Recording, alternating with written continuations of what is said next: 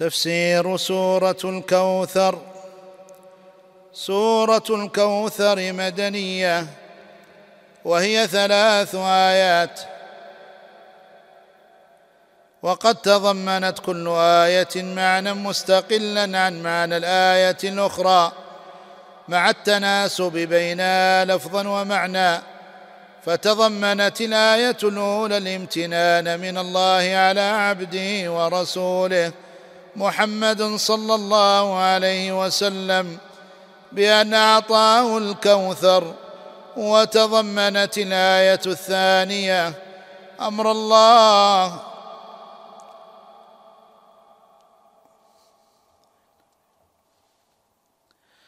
وتضمنت الآية الثانية أمر الله نبيه بالصلاة له والنحر له. وتضمنت الآية الثالثة تهديدا من الله لشان الرسول صلى الله عليه وسلم بقطع دابره. وتضمنت الآية الثالثة تهديدا من الله لشان الرسول صلى الله عليه وسلم بقطع دابره. وفي كل ذلك وفي كل ذلك تكريم وتشريف من الله لنبيه عليه الصلاة والسلام. الآيات انا اعطيناك الكوثر فصل لربك وانحر ان شانئك هو الابتر. التفسير قوله تعالى انا اعطيناك الكوثر الخطاب خاص بالنبي صلى الله عليه وسلم والكوثر في اللغة الخير الكثير على وزن فوعل فهي صيغه مبالغه تدل على انه خير بالغ النهايه في الكثره والآية بشارة وامتنان من الله على نبيه محمد صلى الله عليه وسلم. أي إنا وهبنا لك أيها الرسول من النعم والأفضال في الدنيا والآخرة شيئا عظيما. من النبوة والقرآن والإسراء وسائر المعجزات ورفعه الذكر وبقاء اسمك على كل لسان مقرونا باسم الله في الذكر وغيره وكثرة أتباعك وسلامتك من أعدائك وظهورك عليهم وكثرة الفتوحات والمقام المحمود في الآخرة وهو الشفاعة العظمى. وكذلك النهر في الجنة والحوض الذي في عرصات القيامة والحوض الذي في عرصات القيامة وأنك أول من تفتح له الجنة وصاحب الوسيلة وهي الدرجة العالية في الجنة التي لا تكون إلا لك إلى غير ذلك من الأعطيات الربانية الكريمة كما قال سبحانه وكان فضل الله عليك عظيما وقال تعالى ولسوف يعطيك ربك فترضى أي عطاء لا حدود فيه. وتصدير السورة بهذه الآية من حسن الافتتاح مع ما اشتملت عليه الآية من أنواع التأكيد لأنها تضمنت لأنها تضمنت بشارة ووعدا. لأنها تضمنت بشارة ووعدا ورضا من الله على لأنها تضمنت بشارة ووعدا ورضا من الله عن نبيه صلى الله عليه وسلم. فمن ذلك مجيء إن وضمير العظمة نا الذي تكرر مرتين مرة في قوله إنا والأخرى في قوله أعطيناك. وكذا صيغة المبالغة الكوثر ومجيء الفعل ماضيا أعطيناك لتحقق الوقوع. وقد ورد عن النبي صلى الله عليه وسلم تفسير الكوثر بالنار. وقد ورد عن النبي صلى الله عليه وسلم تفسير الكوثر بالنهر. في حديث أنس رضي الله عنه في صحيح مسلم ولفظه قال بين رسول الله صلى الله عليه وسلم ذات يوم بين أظهرنا إذ أغفى إغفاء ثم رفع رأسه مبتسما فقلنا ما أضحكك يا رسول الله؟ قال أنزلت علي آنفا سورة فقرأ بسم الله الرحمن الرحيم. إنا أعطيناك الكوثر فصل لربك وانحر إن شانئك هو الأبتر. ثم قال أتدرون ما الكوثر؟ فقلنا الله ورسوله أعلم. قال فإنه نهر وعدنيه ربي عز وجل عليه خير كثير. الحديث. وفي صحيح البخاري عن أنس رضي الله عنه قال قال رسول الله صلى الله عليه وسلم بينما أنا أسير في الجنة إذا أنا بنهر حافتاه قباب الدر المجوف قلت ماذا يا جبريل؟ قلت ماذا يا جبريل؟ قال هذا الكوثر الذي أعطاك ربك.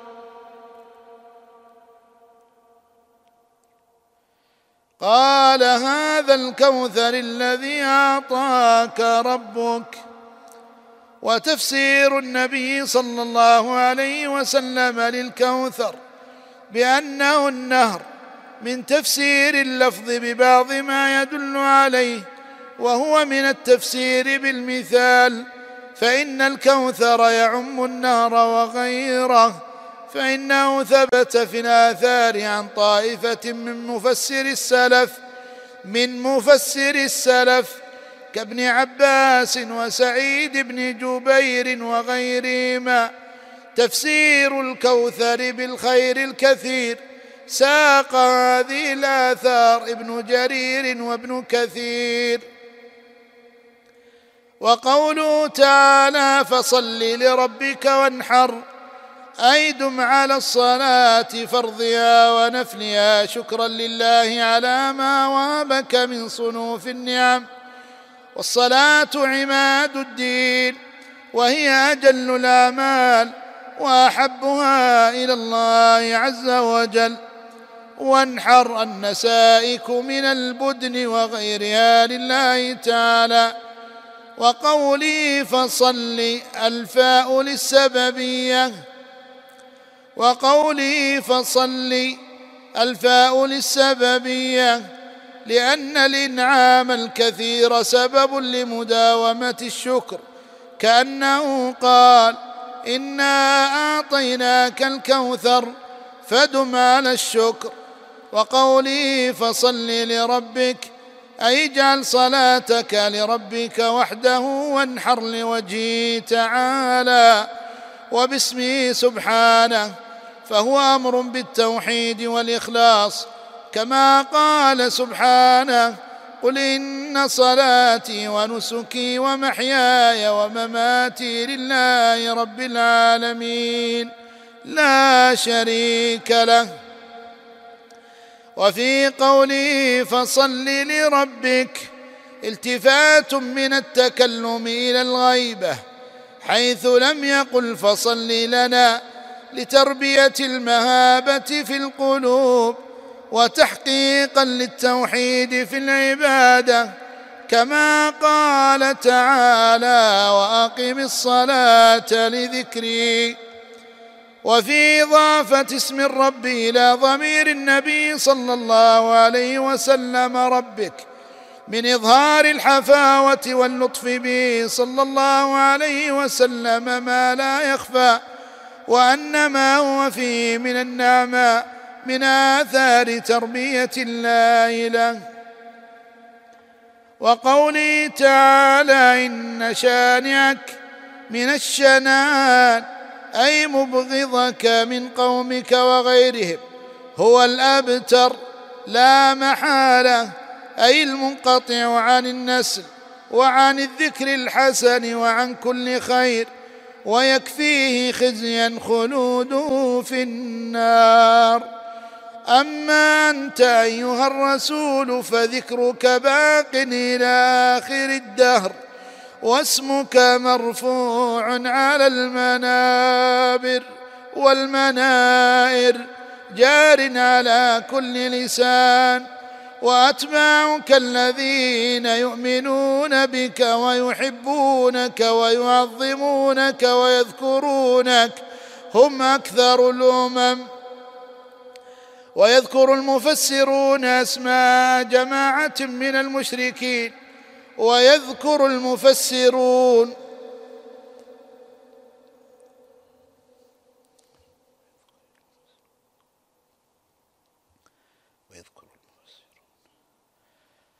ويذكر المفسرون أسماء جماعة من المشركين كانوا ينالون من النبي صلى الله عليه وسلم ويصفونه بالأبتر فنزلت الآية ردا عليهم والآية لم تذكرهم بأسمائهم بل بأوصافهم فتعم جميع من ذكروا وغيرهم.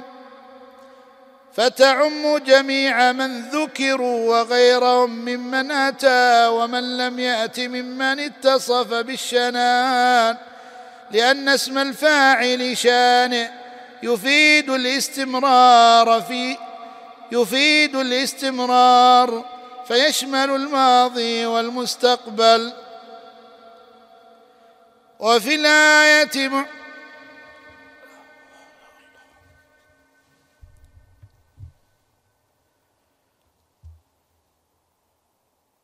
وفي الآية معجزة قرآنية ظاهرة وتأمل كيف أكد الجملة بمؤكدات عدة وتأمل كيف أكد الجملة بمؤكدات عدة أولها إن الثاني بضمير الفصل الدال على قوة الإسناد والاختصاص الثالث مجيء الخير على أفعل التفضيل دون اسم المفعول.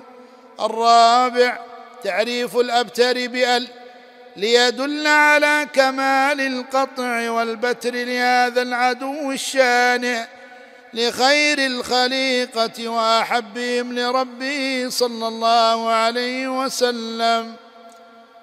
وهذه السورة على وجازتها وكونها أقل سور القرآن كلمات تضمنت معاني عظيمة من بشارة ودعوة إلى التوحيد وإخبار بالغيب وحماية للجناب النبوي فأولها بشرى من العزيز الحميد وأوسطها عبادة وتوحيد. وآخرها نصر للنبي وتاديد للشان العنيد. ففيها البرهان على أن هذا الكتاب العزيز.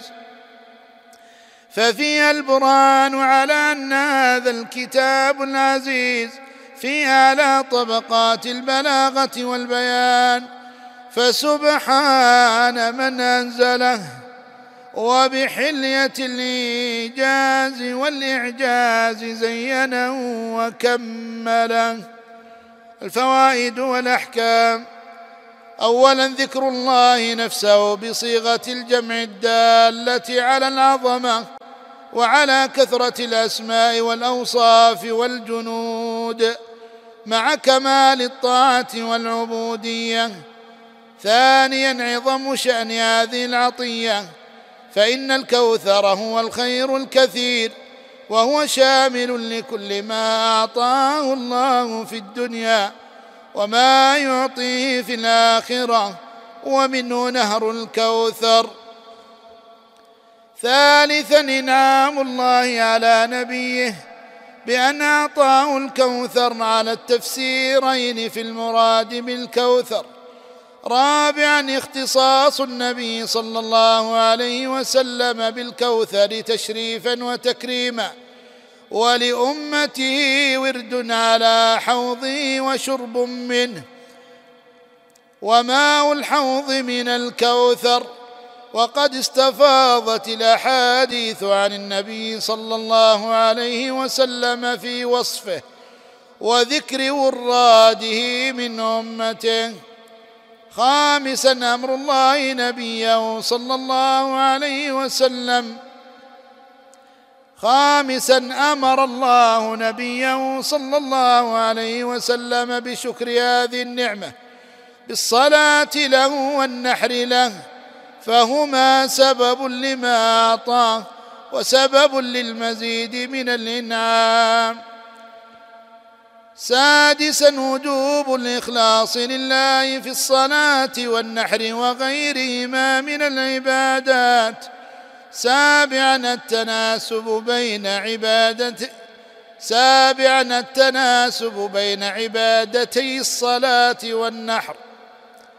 سابعا التناسب بين عبادتي الصلاة والنحر.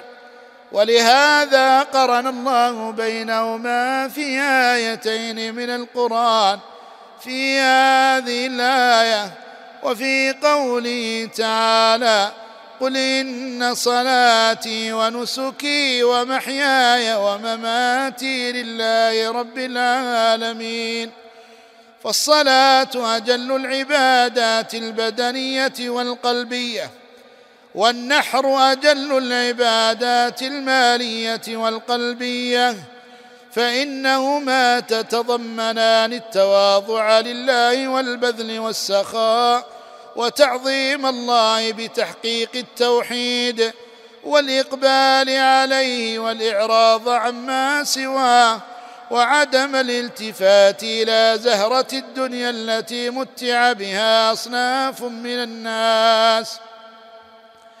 ثامنا أن من جزاء النبي صلى الله عليه وسلم على شكر ربه وقيامه بما أوجب الله عليه أن جعل كل مبغض للنبي صلى الله عليه وسلم هو الأبتر أي الخاسر ومقطوع الدابر من جميع الوجوه في الدنيا والآخرة. ولكل من أبغض شيئا مما جاء به النبي صلى الله عليه وسلم. ولكل من أبغض شيئا مما جاء به النبي صلى الله عليه وسلم. نصيب من هذا الوعيد. تاسعا وجوب محبة النبي صلى الله عليه وسلم. فوق محبة النفس والأهل والولد. كما جاء في الحديث الصحيح ويتبع ذلك محبة ما جاء به عليه الصلاة والسلام. العاش عاشرا أن بغضه صلى الله عليه وسلم من سمات الكافرين وهو نوع من النفاق الأكبر لأن البغض عمل قلبي. وهو نقيض حب الله ورسوله صلى الله عليه وسلم. الحادي عشر أن من فرغ نفسه لله ولعبادته كفاه الله ما يخشاه ويشهد له قوله تعالى ومن يتق الله يجعل له مخرجا ويرزقه من حيث لا يحتسب. ومن يتوكل على الله فهو حسبه. وقوله فاعبده وتوكل عليه. فاعبده وتوكل عليه. وما ربك بغافل عما تعملون. كان هذا المشروع برعاية أوقاف الشيخ علي بن عبد العزيز الضويان رحمه الله وغفر له ولوالديه وبارك في ذريته وجعله في موازين حسناتهم.